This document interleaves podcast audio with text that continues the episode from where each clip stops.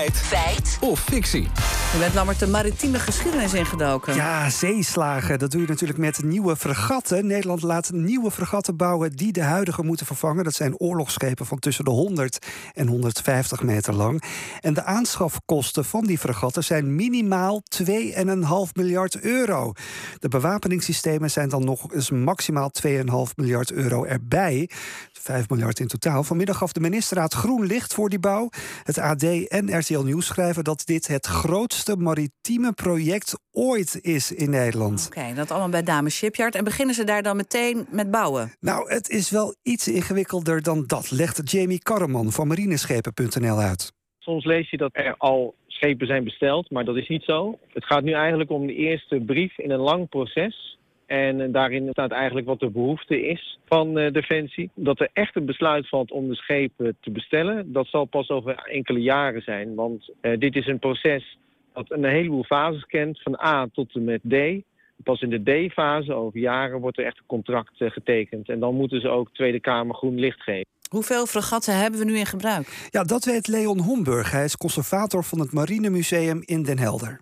Op dit moment hebben we zes fregatten op de lijst van de marine staan. We hebben vier LCF-fregatten, luchtverdediging en commando-fregatten... en twee multipurpose-fregatten. En van de laatste is er eigenlijk nog maar eentje in de vaart. Alleen de Van Amstel van Spijk ligt eigenlijk zo goed als opgelegd. Ik zou bijna zeggen dat hij voor een spare part gebruikt wordt. Maar uh, ik heb hem van de week nog zien liggen in de haven. En uh, nou, dat ziet er niet echt operationeel uit. Nou heb ik me laten vertellen dat Nederland uh, bekend staat om zijn goede scheepsbouwers. Ja, maar, maar, absoluut. altijd al zo geweest? Ja, Nederland is extreem belangrijk geweest in de scheepvaart. Er kwamen zelfs tsaren kijken hoe wij die schepen hier bouwden. Het begon in de 16e eeuw met de koopvaardij.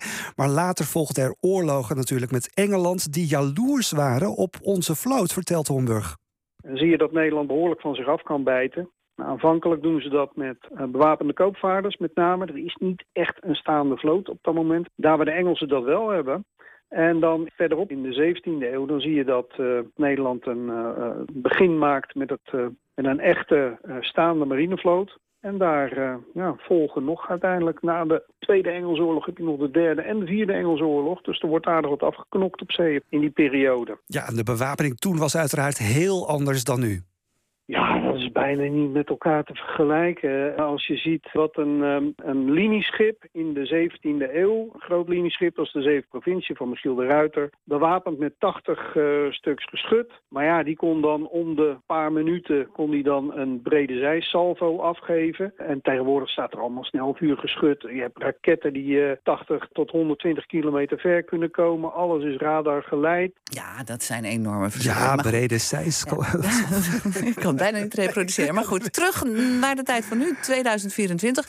Kun je zo stellig zeggen dat die uh, fregatten die er nu aan staan te komen... Ja. dat dat alles bij elkaar het grootste Nederlandse maritieme project is? Nou, marinejournalist Jamie Karreman zegt van niet. Als het gaat om het aantal schepen is het uh, geen groot project, want het gaat om vier schepen. Als het gaat om totaalbedrag is het nog wat onduidelijk. Omdat normaal gesproken geeft de Defensie nu niet in dit stadium vrij wat het budget is. Contracten worden over jaren pas ondertekend. Ja, qua aantal schepen klopt het dus al niet. Oké, okay, maar dan het geld, de kosten. Ja, goed opletten, want het is een flinke som. Volgens Karreman moet je namelijk de bewapeningssystemen niet bij de aanschaf van de fregatten optellen. Oké, okay, dus? Eén oorlogsschip kost nu minimaal 625 miljoen. En ja, nu werd het een beetje moeilijk, dus we hebben econoom Martin Visser zijn hersens even laten kraken. In 1970 kostte één fregat omgerekend 126 miljoen euro.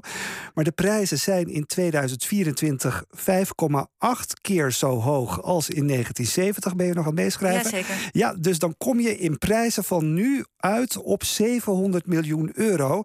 En dat is dus meer dan wat we nu gaan uitgeven. Maar als je uitgaat van het minimaal te verwachten bedrag, dan is de stelling fictie. Maar grote kans dat het bedrag nog oploopt. Want ja, zo gaat het altijd met overheidsopdrachten. Dus dan is het weer een feit. Oké. Honderden ongelukken